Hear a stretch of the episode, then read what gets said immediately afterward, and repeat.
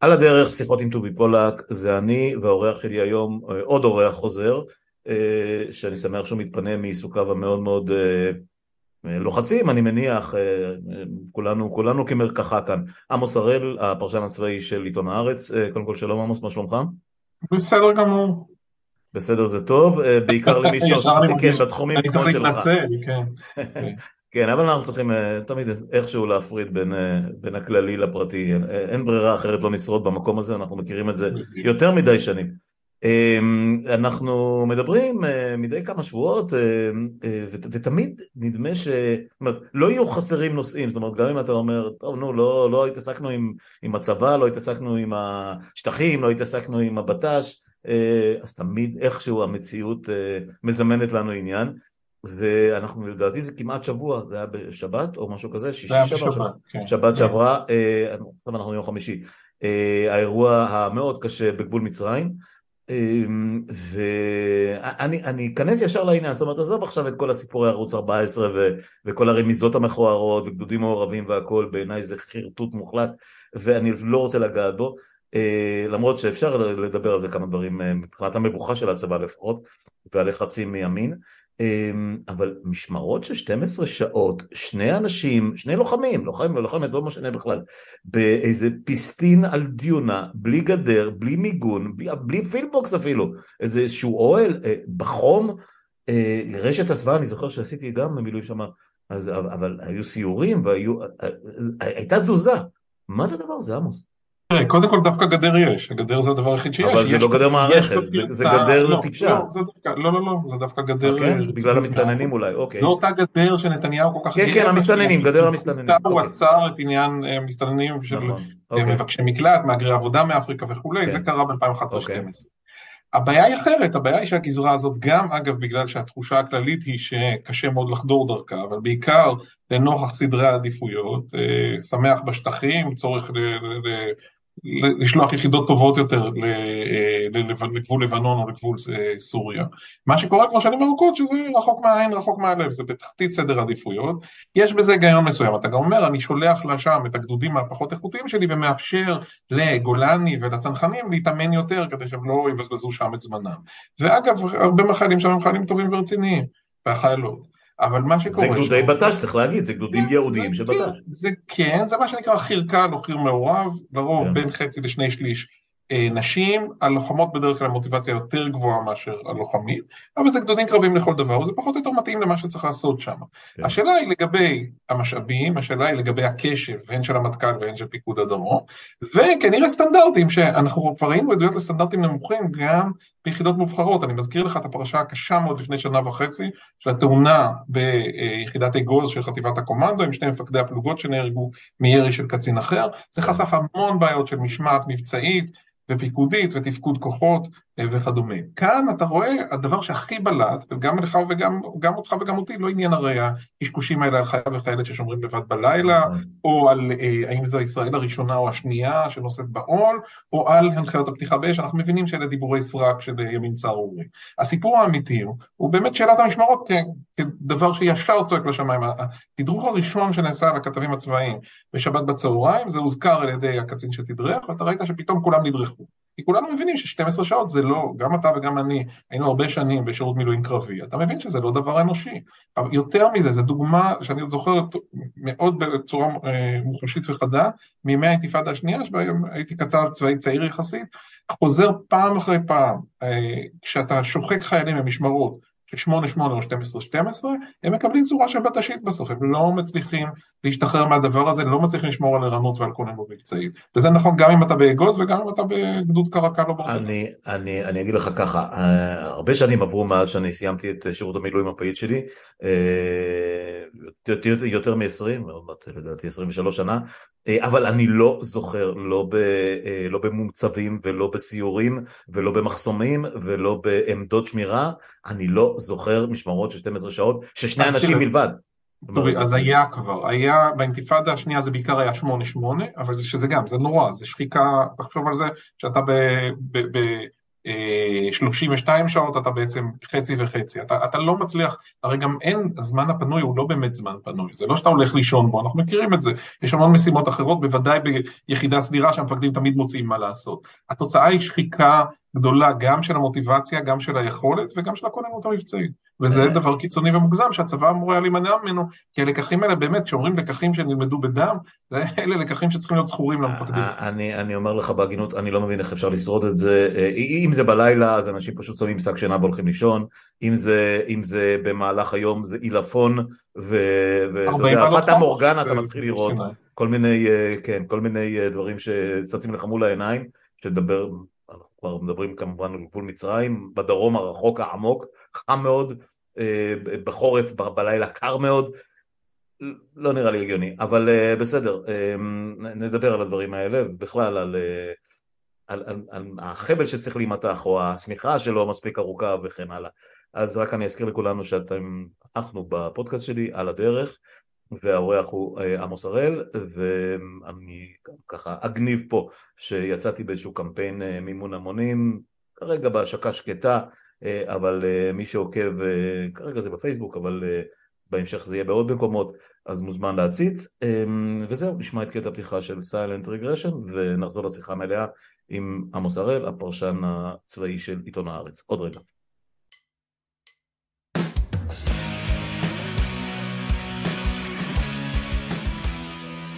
אוקיי, חזרנו, וככה התקשקשנו טיפה מחוץ להקלטה, ותהיתי באמת אה, איזה מין סידור זה. זאת אומרת, יש את היחידה, יחידת האם שיושבת, אני שירתתי לפני הרבה מאוד שנים, אני חושב שזה כבר, כן, מעל 30 שנה, במין, ראיתי צילום בכתבה שלך של, של האר, בהארץ, אה, המחסום בהר החריף. אז הייתי במקרה בהר החריף, אה, באחד, באחד מהבט"שים האלה, אבל היינו כיחידה אורגנית, זאת אומרת, אף אחד לא שלח אף אחד לשבת ב, אה, לא במרחק של 200 מטר, לא במרחק של 500 מטר, בטח לא במשמרות של 6 אה, או 8 או 12 שעות. אה, יצאנו לסיורים, היו עמדות שהסיור עבר דרכם, היה מין שגרה, שגרת בט"ש, נכון שהגבול הוא שקט והכל, אבל הייתה שגרת בט"ש סבירה. מה שאתה מתאר לי פה, ואמרת לי שיש איזה פריקאסט שהם היו בו, ובמרחק אה, סביר יחסית מיחידת האם, שזה מה, בדרך כלל פלוגה, נניח אפילו גדוד. אה, מוצא פלוגתי. מוצא פלוגתי. אה, זה, זה, זה נשמע כמו, לא יודע מה, קחו, קחו מנות קרב ותסתדרו. לא יודע, תראה, מוזר. קודם כל, דו, יש כמה דברים שהשתפרו מאז התקופה שלך, ואמורים היו לספק בסיס טוב יותר לשמירה על הגבול.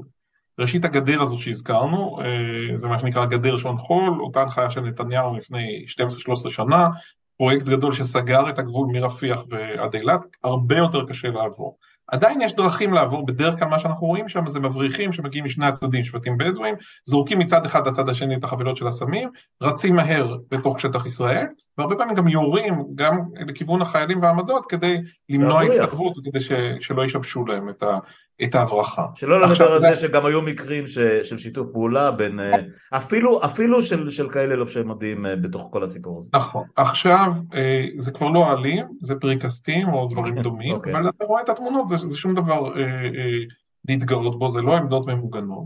כן. יש שם, ככל שאני מבין, ושוב, עוד לא הייתי הרבה פעמים בשטח, אבל לא הייתי שם, ייתכן שאני אבקר שם בשבוע הבא, לא הייתי מאז, מאז הפיגוע. אני זוכר וככל שהוסבר לנו גם בתדריכים הטלפונים למיניהם על ידי הצבא, פורסים שם אה, צמדים במרחקים של כמה מאות מטרים אחד מהשני, בנסיבות מיוחדות, באותו לילה הייתה הברחה, כנראה היה מידע מודיעיני עליה, היא סוכלה בהצלחה, הברכה של מיליון וחצי שקל סמים הם תפסו שם, ואחר כך נשארה הפריסה הזאת של החיילים לאורך שעות. אבל לזה נוספה פשלה נוספת, מהדהדת כשלעצמה, והיא העובדה שלא בדקו איתם ברשת קשר, אתה מכיר את זה משנותיך הרבות במקומות האלה וגם בשטחים. אתה עולה מול השומרים גם כשאתה במוצב, עולים מול השומר בבוקר, שמישהו לא אה, יתנפל עליו וגנב את התחבושת. ושם משום מה, אני עוד לא יודע על כמה שעות, כי יש מיני גרסאות סותרות, גם החלק הזה לא נעשה. מה שאתה מקבל בסוף ושוב, זה מתכתב באופן מצער גם עם אירועים כמו מצד אחד יחידת עילית כמו אגוז, וגם חטיבת כפירה קצת פחות מהוללת שבאה לפני כמה חודשים, אתה זוכר חייל ירה בחברו, אה, לא היה כל כך ברור, זה כנראה היה זיהוי מוטעה, הוא פתאום ראה חמוש מולו וירה, הם התנתקו, וגם שם אגב דובר על משמרות ארוכות מאוד, כלומר זה לא דבר חדש, אבל יש פה סיפור נוסף, והוא הסיפור הזה של פיקוד, שליטה, נורמות מבצעיות. הרושם לא טוב בהקשר הזה. אה, בכתבה בהארץ שפרסמתי אה, אתמול בערב, עלה עניין נוסף, שהעניין הזה של 12 שעות, שבאמת הקפיץ אותך ואותי ונראה לנו כל כך חריג, מסתבר שהוא לא כל כך חריג. אז הזכרנו הרגע את אותם חיילים של כפיר, אבל סיפר לי אדם אחר, שיחה לא מזמן עם חיילי גדוד צנחנים שמוצר אה, בגדה, וגם הם אמרו לו, כן, 12 שעות. אז יש פה איזה פגיעה, נורמה חדשה ופסולה ואווילית לחלוטין, שאיכשהו השתרשה, אני לא יודע כמה הפיקוד הבכיר היה בכלל מודע, כשאתה שואל אותם עכשיו, הם אומרים כן, זה איום ונורא. אבל, אבל, אבל, אבל, תקשיב, ביום עבודה נורמלי של קופאית בסופר, אה, או, או, של, או של אה, מאבטח אה, בכניסה לקניון, מה זה 12 שעות ברציפות? עכשיו נכון שהם שניים והם אולי נחים ו... בסדר, לא... אבל כאן בצד השני עומד מישהו חמוש שרוצה להרוג איתך. לא, לא, לא אמרתי את זה, לא, לא, אני אומר את זה, לא, לא, זה... אומר את זה בהתרסה, מה זאת אומרת? איך אפשר לתפקד? מה פתאום? אז, ואגב, זה עוד דוגמה קלאסית לאופן שבו רמת הוויכוח בארץ ורמת הדיון מידרדרת בגלל האג'נדות האולטרה קיצוניות והפופוליסטיות, שבמקום שנדבר על 12 שעות, שזה לא נושא פוליטי, זה נושא מקצועי וענייני, אנחנו עסוקים בקשקושים האלה על אה, חייל וחיילת ותואר המין ותואר. כן. זה מזכיר לי את, ה, את הדיונים על אה, שיבוץ אה, או הכשרת אה, לוחמות שריון. וכמי שבא מהשריון אני רוצה להגיד לך ש...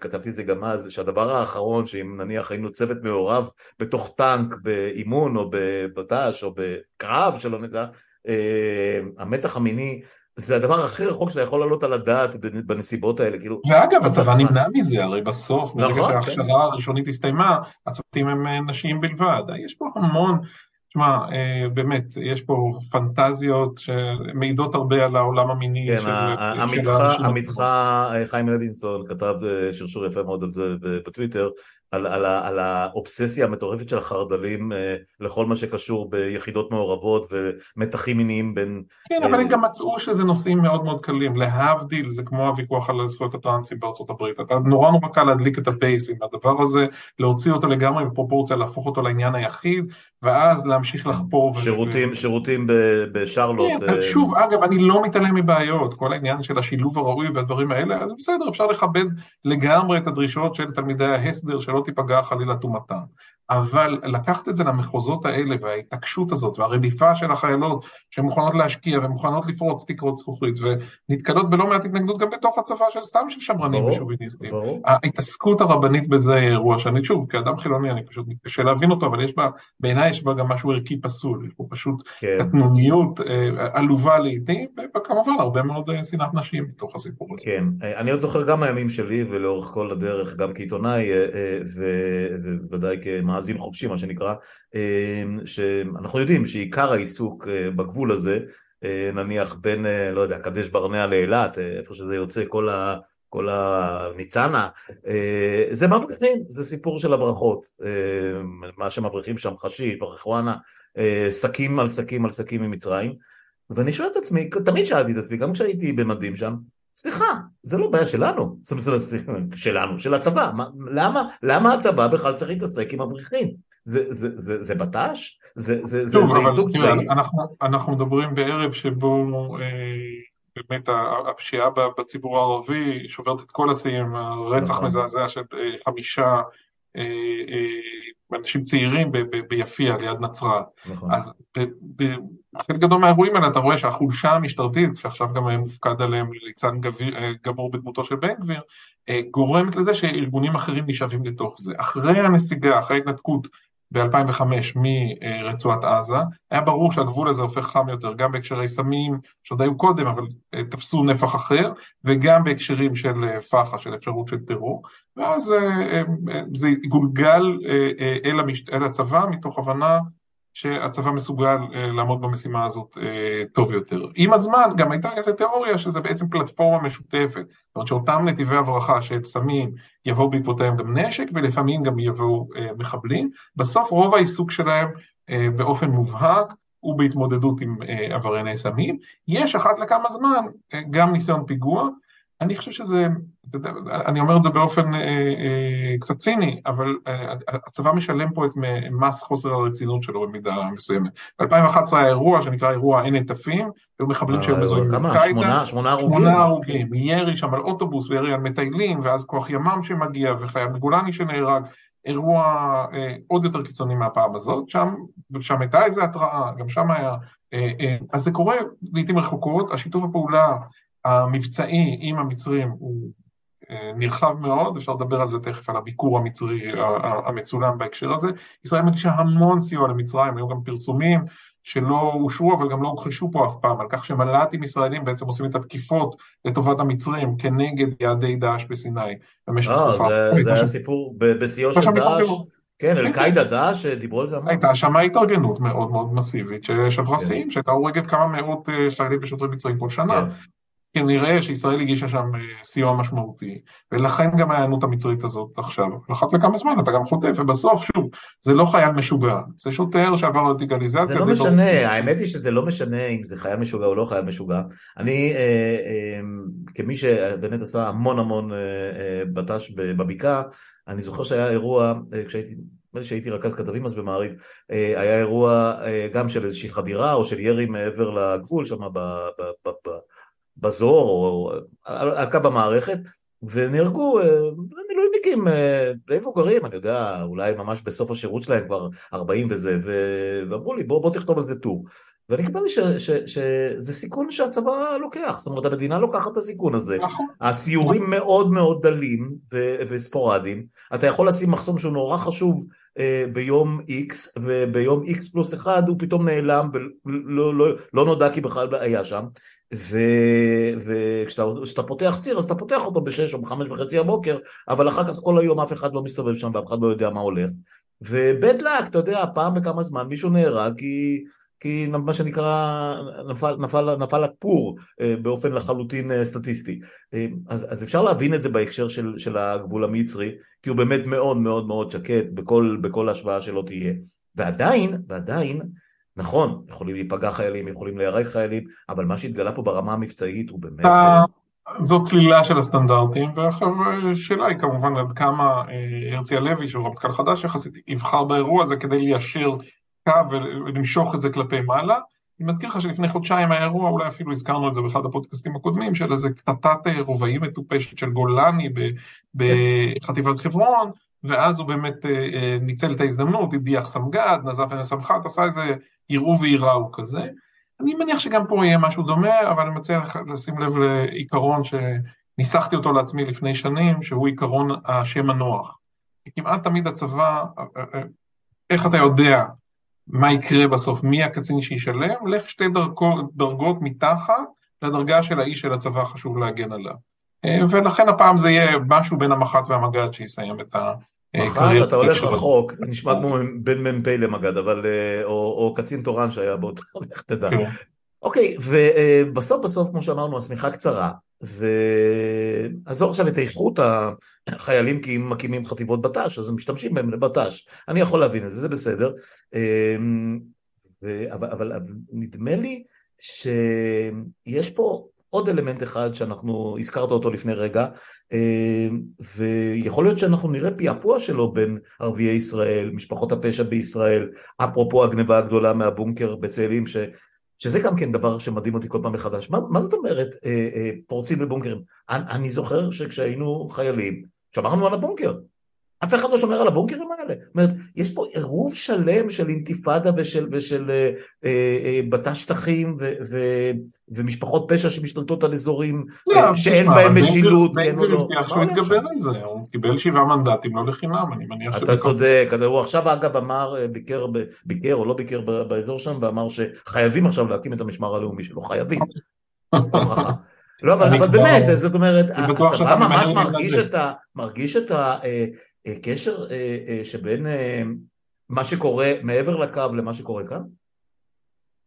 תראה, אנחנו בשנים כבר של צלילה בכל, אתה מרבה לכתוב על זה, גם אני רואה גם בטוויטר, אנחנו בצלילה בכל תחומי החיים. הסיפור הזה של נתניהו זה, הפרשות נתניהו זה ה-icing on the cake של כל מה שקורה פה מסביב, אבל אה, בסוף אתה מקבל בזמן שהוא כביכול הפריח את ההייטק והקפיץ אותנו למקומות שלא ידענו מעולם, ויש לך כל החצר האחורית של ישראל כל כך התרחבה בכל דבר, מאלימות בכביש ועד בעיות משילות ודברים אחרים.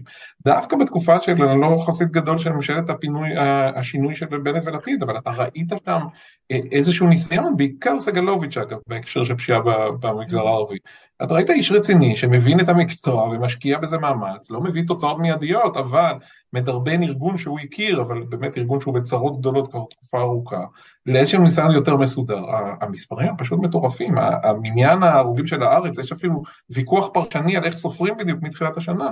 נכון לערב... כמעט 100, זה 96 ממה שראיתי. 96, כן. שבתקופה המקבילה היו 34, בשנה כן, כן, כן, זה פי שלושה, דפנטלי, זה לחלוטין. כן, זה, זה אירוע מטורף. עכשיו, על זה יש שאלה באמת כמה אתה, את מי אתה מגייס לזה וכמה אתה עושה. שב"כ, זה אירוע מעניין אגב, שב"כ, אני מזכיר לך, נדב ארגמן עד שומר החומות כראש שב"כ לא רצה להתעסק בכלל עם המגזר הערבי הישראלי, למעט שאלה של טרור מובהק, פח"ע. אה, כשנכנס רונן בר ב-2022, בנט אה, בעצם, אחת הסיבות שבר מקבל את, ה, את התפקיד והוא מתמודד שם עם איזה רייש אחר, היא שבשני דברים שהם מאוד חשובים לבנט, הוא מוכן להתגמש ביחס לעמדות של נדב ארגמן. הסיפור האחד הוא כניסת פועלים מעזה, אותם 17 אלף פועלים שבאמת שינו במידה משמעותית את היחסי כוחות במשוואה הזאת של עזה, אה, ואולי גם משמשים כריסון לחמאס, והעניין השני הוא סיוע למשטרה באירועים אה, של פשיעה קשה בציבור הערבי, לא בהכרח פשיעה לאומנית. ומה שאתה רואה מאז זה שב"כ, היום נתניהו מיהר להוציא הודעה שהוא הורה לשב"כ להיכנס. בפועל שב"כ כבר תקופה מסייע בטכנולוגיה, בין אם זה סייבר, SIGINT או מה שנקרא VISINT, אה, תצפיות ויכולות מיוחדות למשטרה באירועים ספציפיים. יש שלושה אירועים מובהקים שהם עשו את זה, אחד זה כל הסיפור הזה של גנבות אה, תחמושת, אגב מה ששנינו לא הזכרנו שהתחמושת תוך יממה נאספה כולה, כנראה תודות לאמצעים ששב"כ הפעיל. שתיים... אבל זה החריג, כי אני יודע שיש הרבה מאוד גנבות של נשק בתחמושת שאף אחד לא מגלה. יותר בתמונה עכשיו. כן. ושתיים, במקרים של אה, אה, פגיעה בסמלי אה, ריבונות, שלטון, משילות מובהקים, אז היו שני אירועים כאלה בתקופה האחרונה. אחד היה ירי על הבית של ניצב חכרוש, שהיה בכלל ראש המנהלת של הטיפול בפשיעה mm-hmm. בציבור הערבי. אז שם הלכו ואספו את האנשים. במקרה אחר היה פיצוץ של מטען חבלה במשרד הבריאות בנצרת. המחשבה הייתה שבטח איזה מתנגדי חיסונים או משהו בכיוון הזה עשו את זה, זה לא היה ההסבר, בסוף זו הייתה משפחת פשע מהציבור הערבי שסגרו לה איזה אטליז והחליטה להתנקם, אז במקרה הזה גם שב"כ הלך והביא את החשודים, אבל הם אומרים לך, תשמע, אנחנו מבינים, אנחנו מוכנים לתת, אבל אה, אל תצפו ש... אוקיי, אבל זה שב"כ, עמוס, זה שב"כ. שב"כ תמיד היה, אני עכשיו, אני עכשיו מנסה לחשוב... אתה לא רוצה להחזיר את ימי הממשל הצבאי. הממשל הצבאי, כן, אני אומר, האם אנחנו מתחילים להתקרב להכנסת צבא? אה, אנחנו זוכרים את האירוע, את האירוע הזה של, של התרגיל שעשו באום אל-פחם. אה, צבא, כן. צבא ממש, גדודים. זה, זה משהו שבכלל מישהו מעלה על דעתו? אז תראה, אני מאוד מקווה שלא, אני לפני איזה חודשיים, יכול להיות שאפילו דיברנו על זה בפודקאסט שלך באחת השיחות הקודמות, היה אה, אירוע, פרסום שלי, של אה, דיונים בין הצבא והמשטרה, שדיברו על אה, אירוע כמו מלחמה, אה, שבו מתפתח משהו שדומה לשומר החומות, כלומר מהומות ענקיות בערים מעורבות ובציבור הערבי, אה, ואז היו כל מיני תוכניות שדיברו על גדודי, גדודי מילואים, בעצם חי"ר קל כאלה של פיקוד העורף, שלא רק ישלטו בצמתים, בכבישים המרכזיים, אלא במקרה הצורך ייכנסו, ינגסו גם בשוליים של היישובים הערביים כדי לטפל במהומות. אה, גם הצבא וגם המשטרה מאוד מאוד לא אוהבים את זה, אתה יכול לנחש מאיזה אישיות כן דוחפת את, ה, את העניין הזה, yeah. כן. אבל זה עלה אפילו, סגלוביץ' אפילו העלה את זה לאיזושהי דרישה לדיון בכנסת, כיוון שזה מעורר הרבה אורות אדומים אצל הרבה אנשים שבקיאים בזה ואומרים, דבר אחרון שאנחנו צריכים זה חייל מילואים שלא יתמודד מימיו עם אזרח ומתחיל שם לירות. זה מה שקרה לנו בשנה הראשונה של האינתיפאדה. נכון. זו הייתה נכון. התמודדות של חיילי מילואים מול. אבל פה תקבל את זה מול אזרחים ישראלים, זה יהיה... על אחת כמה וכמה, נכון. שחלקם יהיו חמושים גם. אגב, אה, אה, אה, בתחום הזה הבלבול והערבוב ההיסטוריים היו דווקא במג"ב.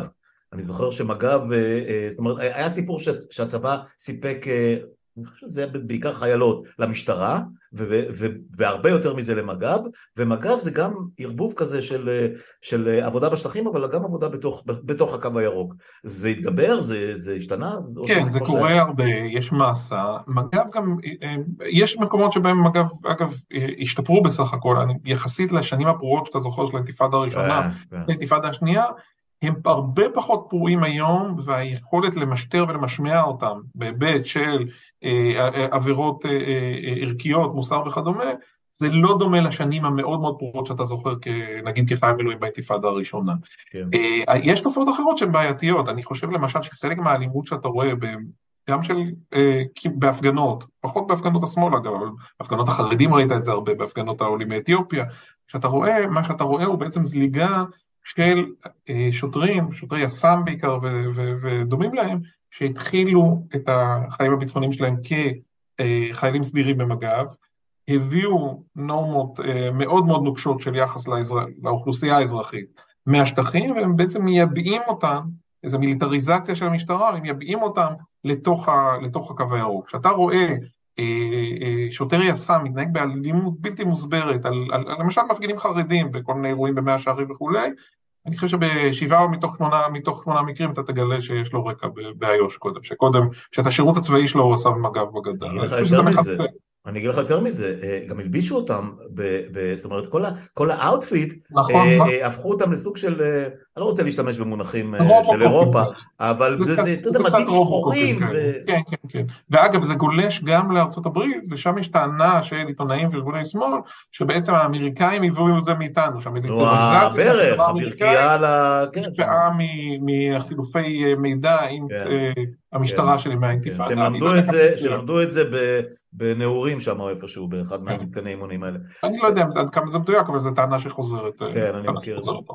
כן, אה, מה, מה, מה באמת המצב אה, בשטחים? כי אנחנו, אה, אז ראינו, ההתפרצות נרגע קצת, נדמה לי שאין כמעט זליגות, לא פצמ"רים, לא, זאת אומרת זה די שקט. לא, אז, אז בואו בוא, בוא, בוא נחלק בין הגזרות. אז השקיטה, קורה פה שום דבר מעניין, מבצע של משהו כמו חמישה ימים, ממוקד ג'יהאד איסלאמי, חמאס מסייע קצת לג'יהאד אבל לא יורד בעצמו, לא, mm-hmm. לא משלם מחיר בשום צורה, יומיים שלושה אחר כך הפועלים כבר חוזרים, אוהד חמו שם תפס אותם באיזה, במחסום ארז ומדבר איתם ואתה רואה שהם מסתכלים עליו, הוא בחור חכם כמובן, הם מסתכלים עליו כמו אחד שלא מבין, מה באמת חשבת שחמאס השתגעת, יש פה אינטרסים, יש פה כסף, אנחנו רוצים לעבוד, זה מאוד מאוד ברור. כן. ג'יהאד, אה, ישראל סייעה לתחלופה המהירה בצמרת המבצעית. צריך לרענן, צריך לקצר בזה מה שנקרא. והרבה כן. הצער, זה היה כלול גם, אה, כרוך גם באירוע אחד קשה של פגיעה באזרחים, אבל הסיפור הזה של הסיבוב ההוא נגמר.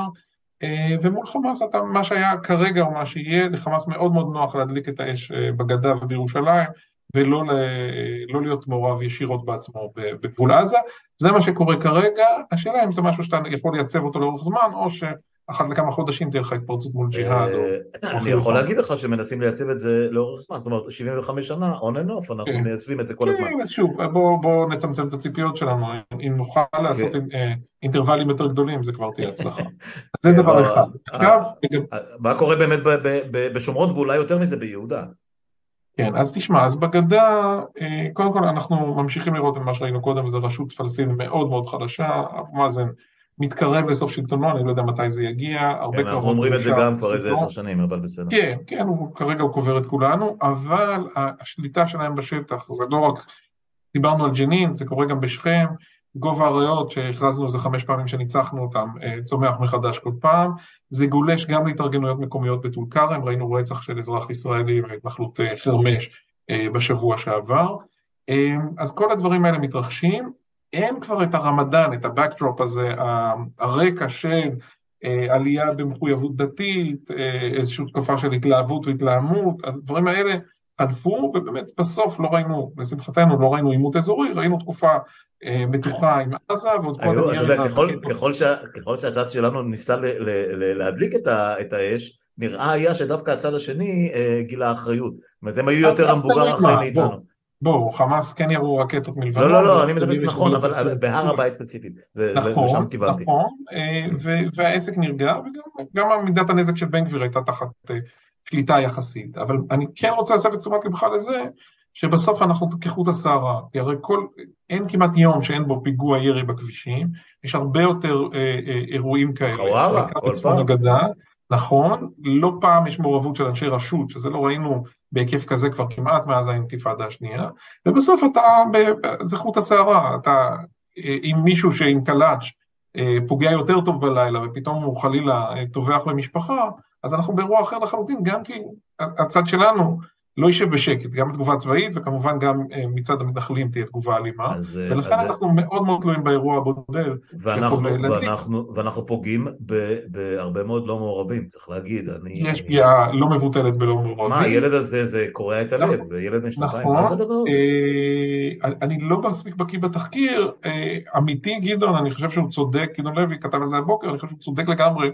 שהוא כותב על ההתעלמות הבוטה והמביכה. נורא, נורא, בשום מהדורה זה לא שודר. אבל גדעון, כשהוא מתאר את זה, מדבר על החייל שיורה בראשו של הילד. צריך להגיד, ושוב, אני לא איזה סנגור זה היה מרחוק. כן. עומד הילד מול החייל, והחייל רואה אותו ויורה בו. הם ירו למכונית, ממה שהבנתי, ירו על איזה מכונית, ברור. היה שם איזשהו ירי אחר, אני לא יודע. זה כמובן... אה, אה, סוג של אירועים שפיקוח אה, רציני יותר אמור למנוע, התוצאה הסופית היא נוראית, מכאן ועד למחשבה או לרמיזה שהחייל ירה במתכוון, יש גם אירועים כאלה, זה לא, זה לא נראה לי, ככל שאני מבין את זה כרגע, זה לא נראה לי המקרה. אני, אני גם לא חשבתי ככה, אבל אתה יודע, התוצאה, התוצאה היא התוצאה היא איומה, וזה מזכיר לך ולי תקופות שאנחנו לא... אה, כן, לא אגב, כמה, כמה, עשו, כמה, כמה עשו בצד שלנו, אה, דרמה, ובצדק, מהסיפור של שלהבת פס, אה. בזמנו בחברון, שזה ילדה אולי באותו גיל פחות או יותר, אה, אה, לא, ושם, ושם אנחנו היינו הכובשים והמתנחלים והכל. פה זה לגמרי נשמע כמו בלתי מעורבים, נורא מוזר. זה אחד, ושנית אתה רואה באמת אדישות תקשורתית מלאה. ביום שזה קורה, היה כתבה של עשר דקות בחדשות 12 על אבנים ובקבוקי תבערה שנזרקים על מכוניות ישראליות בשטחים. טוב, לא היה מקום. אנחנו יודעים, לא מי, בה, אנחנו יודעים מי בממשלה, אנחנו רואים את זה. לא, תראה, צריך להגיד עוד משהו, סביב התמונה הכללית, השחקנים בממשלה הם שחקנים רלוונטיים לסיפור הזה, אנחנו נוטים להתרכז בבן גביר, אבל השחקן המשמעותי הוא סמוטריץ'. ודאי, סמוטריץ' ואורית סטרוק וכל אלה. סמוטריץ' יותר עסוק במשימתו מטעם עצמו במשרד הביטחון, כשר הנוסף במשרד הביטחון, מאשר במשרד האוצר, ובמשרד הביטחון הוא מראה כישרון לא, לא רע בדחיפ, בדחיפת מטרותיו, ראה אותה ידיעה של יניב קובוביץ' לפני שבועיים, שבה סמוטריץ' באיזה פורום פנימי מדבר על הצורך להביא מיליון מתנחלים להיום. כן, כן, מאוד התרשמתי. הם לא הצליחו להביא ב-57 שנים, לא כן, הצליחו להביא חצי מיליון, אז אה, נראה. אז קודם כל חצי מיליון יש. אני לא חושב שהוא יגיע למיליון. אגב, לא הוא הביא אותם, זאת אומרת, מי שהביא אותם... אני לא חושב שהוא יגיע למיליון, אבל אני חושב ש...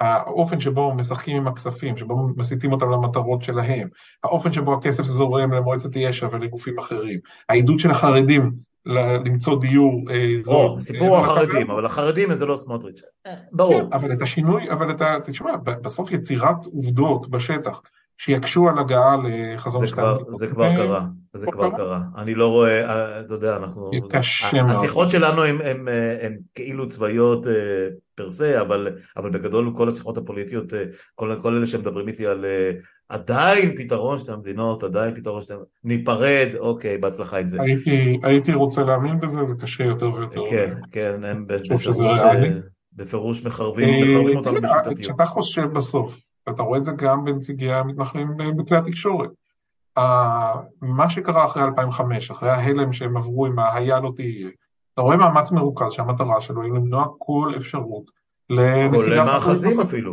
כולל. מאחזים, מה הם עשו שם בחומש, ההצגה הזאת שהעבירו פריקס ממקום נכון. למקום, זה באמת... אה, חכה, עוד יהיה לך סיפור נוסף באביתר בקרוב, זה לא דברים כן, כן, זה יחזור, זה תמיד חוזר.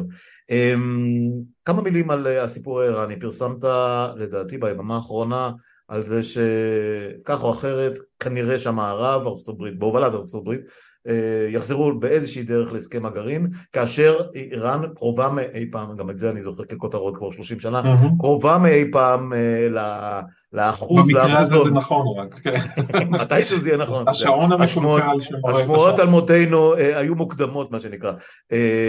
ובכל זאת, בוא נסביר את המצב, כן. בוא נסביר את המצב, נחזור אחורנית, 2015 ישראל, לא ישראל, אלא כמובן הקהילה הבינלאומית חותמת על הסכם למגינת ליבו של נתניהו, שמקביל לתוכנית הגרעין. נתניהו מטיף נגד זה במלוא בשצף קצף, עולה לשלטון ידידות טראמפ כעבור שנה ומשהו, במאי 2018 טראמפ פורש מההסכם.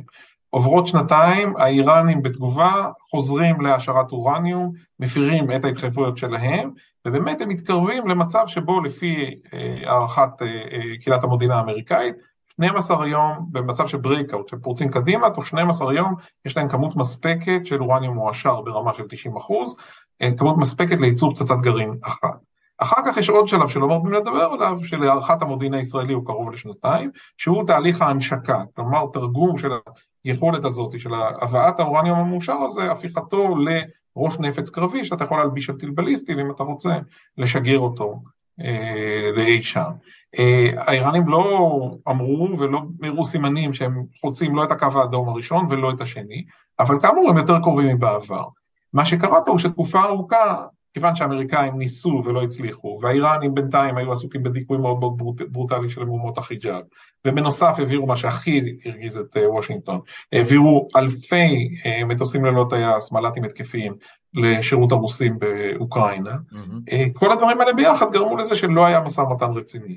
פרסם ברק רביד לפני שבועיים, חדש המשא ומתן, אחד הערוצים שלו כנראה מתנהל דרך אומה, ומה שפרסמתי השבוע הוא שהערכה של המודיעין הישראלי של מערכת הביטחון הוא שבעצם יש שם פריצת דרך ושאנחנו במרחק של שבועות מהסכמה אפשרית. עכשיו ההסכמה האפשרית של ארה"ב ואיראן במקרה הזה היא לא הסכם גרעין חדש, היא באין הסכם מוגבל או הבנות שהכותרת הנכונה להם כנראה זה less for less. מה זה אומר? זה לא מגיע לכדי חזרה להסכם המקורי, אלא האיראנים מבטיחים אנחנו נקפיא את כל הפעולות ההשערה שראיתם שאנחנו עושים. בתמורה, בשלב ראשון לפחות, כבר אגב, התחילו כבר לשחרר בני, בני ערובה שהאיראנים לקחו ושחררו איזה דיפלומט איראני שהיה עצור בבלגיה, כלוא בבלגיה, והמחווה הנוספת תהיה שחרור של 20 מיליארד דולר שהמשטר רוצה, שתקועים לו בכל מיני חשבונות בבלגיה, לא סנקציות, כן. בדרום אפריקה, בדרום קוריאה, סליחה, בדרום כן. קוריאה ובעיראק, וגם של קרן המטבע הבינלאומית, זה הכיוון. זה כמובן מאוד לא משמח את נתניהו, אבל אני מציע לשים לב לשני דברים. ראשית שנתניהו שקט מאוד בהקשר הזה, פה ושם מס שפתיים לבעיה האיראנית, אני לא יודע מה קרה שם בדיוק, האם הוא בונה על העסקה הסעודית עדיין, האם הוא יודע שהוא לא יכול להשפיע, כמו שכתב קולגה שלי אמיר טיבון אה, אה, הבוקר בהארץ, או אה, שהוא קצת בהלם מכל הסיפור, אבל לא שמענו את העטפות הרגילות של נתניהו לאמריקאים בהקשר הזה, ולא עושה רושם שלישראל יש אה, אה, הרבה מה להשפיע. כן, הכותרת הייתה, צריך להגיד, הראשית בהארץ, נדמה לי הבוקר או אתמול, אני לא זוכר, זה שבעצם ישראל מפנימה את העובדה, היום, מפנימה לא, את העובדה שאין לה יותר שליטה על התהליך אז זאת הכותרת של אמיר, וזה מאוד מאוד מעניין, שבעצם נתניהו, למרות הדיבורים הריקים הרגילים שאנחנו אה, מכירים, לא מדבר ככה הפעם. אנחנו, אנחנו כנראה נעים בכיוון של הסכם. צריך להגיד, דברים כבר השתבשו בעבר, אבל זה, זה הרושם, זאת התחזית. הדבר השני שצריך להגיד, הוא שיש פה פער בין העמדה של אה, המובהקת, המסורתית של נתניהו, שכל הסכם הוא גרוע ושתמיד צריך אה, לדרוש הרבה יותר. deal, no deal, כן. לבין אה, חלק גדול מאנשי המקצוע. זה לא כל כך דומה לוויכוח על התקיפה מלפני עשור, אבל למשל אה, עמדת אמ"ן, ככל שאני מבין אותה כרגע, היא, תשמעו, מצבנו מחורבן מלכתחילה, הסכם עדיף על אי הסכם, עדיף מה שאפשר לחלץ כרגע ולדחות, כיוון שבלאו הכי האמריקאים לא לצידנו, כיוון שאנחנו לא נתקוף עצמאית, אז אה, בואו נצמצם הפסדים. זה פשוט כל הזמן מהדהד לי את הנאום שלו ב-2015 על הראש של אובמה. כן, אה, no deal ו-bad deal. יש הרבה יהודים אמריקאים שנורא התרגשו, והיה standing ovation, ספרו את הכמות הפעמים. ההשפעה ההיסטורית של העסק הזה הייתה קלושה, יותר מזה, זה כל כך הרגיז את אובמה, שזה השפיע גם על עתיד היחסים, ואפילו, למשל הקרין על הסכם הסיוע הביטחוני, שרבים ממערכת הביטחון עד היום, ההסכם נחתם כעבור שנה, בשלהי ממשל אובמה, ויש רבים במערכת הביטחון שטוענים אפשר היה להגיע ליותר, לקבל מהאמריקאים יותר כסף אלמלא אובמה כעס על נתניהו סביב, הנאום בקונגרס. אה, כן, נסיים אולי, נסגור את המעגל הזה אה, עם משהו שדיברנו עליו, אה, לא בשיחה האחרונה אולי, אבל באחת השיחות שלפני כן, אנחנו מתחילים לחזור. כן. לא, לא בהכרח. הנושאים שחוזרים. הנושאים תמיד חוזרים. הסיפור של המחאה, הסיפור של הטייסים, של הכוחות המיוחדים, של של הסרן רייש, רב סרן רייש, הוא אגב בקשר איתי ונורא נורא נלהב עכשיו עושה כל מיני דברים, הוא ו... כן. אני לא אגיד את שמו, אבל הוא ועוד חבר שלו שהוא סרן, והם אלה שעשו את שם, השלט הזה של בן ציון נתניהו. החבר'ה האלה, הם עובדים ב-180 קמ"ש, הם לא מכירים. כן, כן, הם לא לוקחים שווים, כמו שהם עושים כשהם כן, בשירות.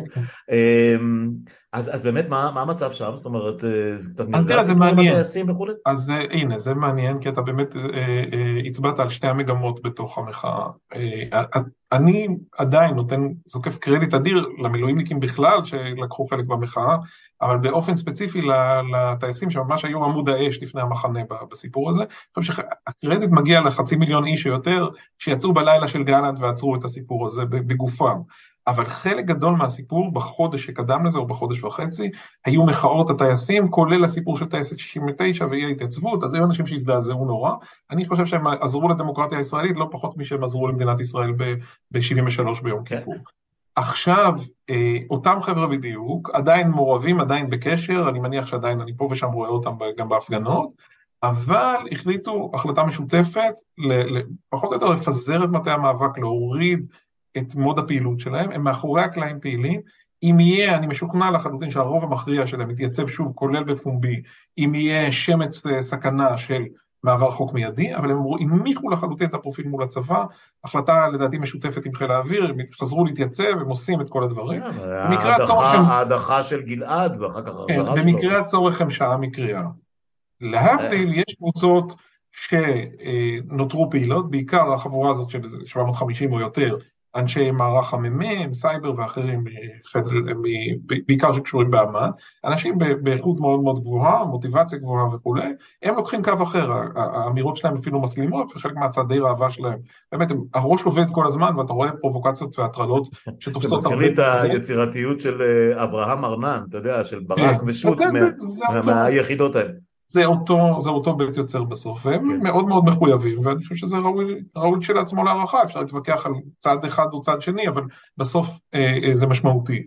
אני לא, לא, לא, המאבק לא איבד את הטייסים, הם יחזרו במקרה הצורך, אני חושב שהם הבינו נכון שהם לא צריכים להתיש את עצמם בוויכוח אינסופי עם הצבא כרגע, הם כבר, הצבא בעצם התייצב לא התייצב לצידם, אבל בתוך הוויכוח הזה, דבר שאני זוקף קרדיט גבוה לזכותו של הרמטכ"ל הרצי הלוי, הוא עשה שני דברים. הוא לא התכסח איתם ולא העניש אותם והבין שהוא לא יכול מול אנשים שהם בפועל מתנדבים ללכת ראש בראש כמו איזה רס"ר קשה, קשה מצח שמכניס טירונים למעצר.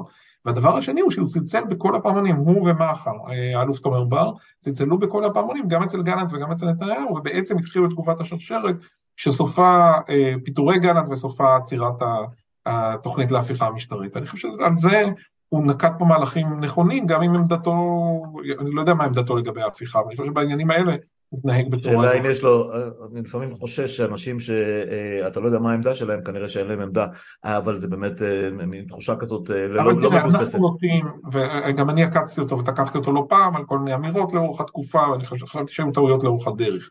אבל אנחנו נוטים להמעיט קצת, כיוון שאנחנו מאוד מחויבים אידיאולוגית בתוך הסיפור הזה, שהוא באמת המאבק הכי חשוב שנוהל פה שנים.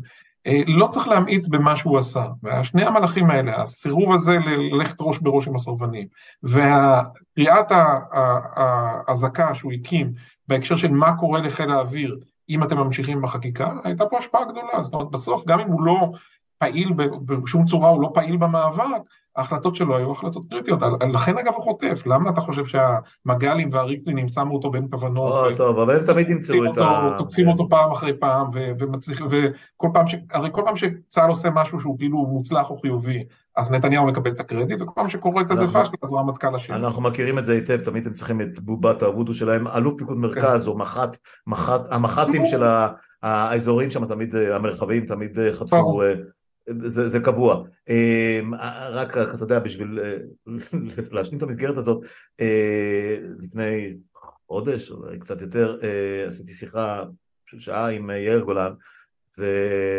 היו המון כותרות, ואתה יודע, אה, אה, הוא הרי מדבר ופעיל פוליטית ומנסה למצב את עצמו כאופוזיציה כמעט של איש אחד, ובין השאר הגענו לסרבנות והוא אמר, כן, סרבנות מוחלטת של כל אנשי המילואים, כולל של אנשים שמשרתים בקבע, זאת אומרת, אם נגיע לשם, כולל של, כולל של מלש"בים. הוא אמר שהוא בעד או שהוא אמר שהוא הוא בעד, שהוא בעד, שהוא בעד, שהוא תומך, שהוא קורא לזה, זאת אומרת, אם וכאשר ההפיכה תימשך וכולי.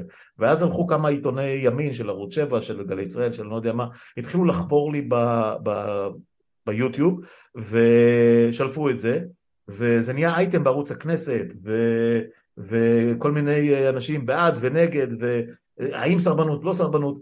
אה, תשמע, זה, טוב, סגן רמטכ"ל, דיברנו כמובן על נאום התהליכים, ואמרתי לו, אתה היית חלבי מדי, הוא אמר לי, זה מה שיכולתי להגיד אז, כל הסיפורים הידועים, אה, אבל אם אחד שהוא ביטחוניסט, אי אפשר לקחת את זה ממנו, גם נחשב בזמנו די אה, מיליטנט במטכ"ל, אה, בא ואומר דבר כזה, למרות שהוא כבר עשור, או לא, לא, לא בשירות, או קצת פחות, אה, אני מניח שהוא לא לבד במחשבה הזאת, ו, וסירוף רציני, במידה שבאמת תהיה פה קטסטרופה פוליטית משפטית.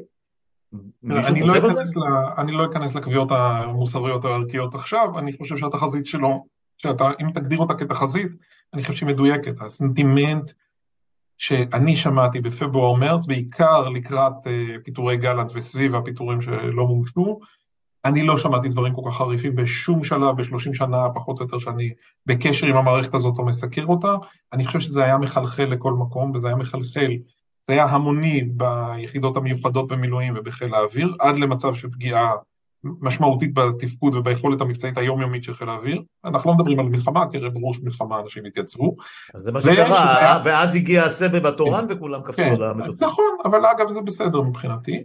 ובהקשר ארוך טווח, נפגע באנשי קבע, אתה תראה פרישה של אנשי קבע, אתה תראה פרישה של אנשי מוסד, של אנשי שב"כ, אני לא יודע אם הדרגות הבכירות. אתה אלוף, השיקולים שלך הם אחרים ולא בטוח, לפעמים אתה משכנע את עצמך, אבל האם אני חושב שראשי ענפים או אה, אה, אה, מג"דים, או מח"טים במילואים, או אנשים בתפקידים מרכזיים בקבע, או אנשים שהם מוקדי ידע. פה נשאלת השאלה, איזה מין, כן, כן. איזה מין אופי יש לצבא היום בדרגות כן, הביניים האלה. יש עוד דבר, יש עוד דבר, אני חושב שאנחנו כבר, אני לא בקיא מספיק, אני מקבל כל מיני איתותים, שאתה כבר רואה נסיגה שקטה. זאת אומרת, יש אנשים שלמשל בחרו לא להאריך חוזה בנסיבות האלה, כמו שיש הייטקיסטים שבחרו לא להשקיע, או מחפשים כן. את הרילוקיישן, יש אנשים בכל מיני יחידות כאלה שמחליטים, אה, טוב, תשמע, בנסיבות הנוכחיות אני לא אתייצב למילואים, אבל אני לא אהיה חלק מהמערכת 24/7 אה, במשך כל אה, ימי השנה.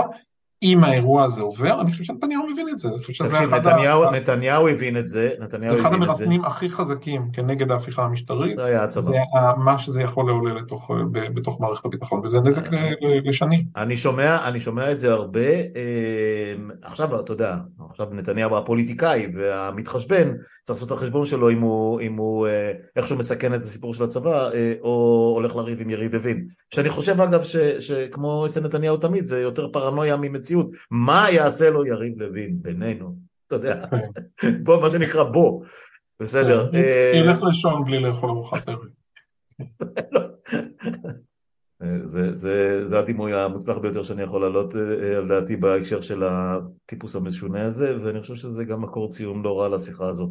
אה, עמוס, כרגיל, היה מעניין ומרתק בנסיבות הדי עגומות שהתחלנו עם הסיפור הזה של גבול מצרים. אולי מישהו ילמד איזשהו לקח שם, אבל אני חייב להגיד שאני לא אופטימי, זה תמיד איכשהו חוזר לאותו, לאותה נקודה בדיוק. תודה בינתיים. תודה לך. להתראות, ביי ביי.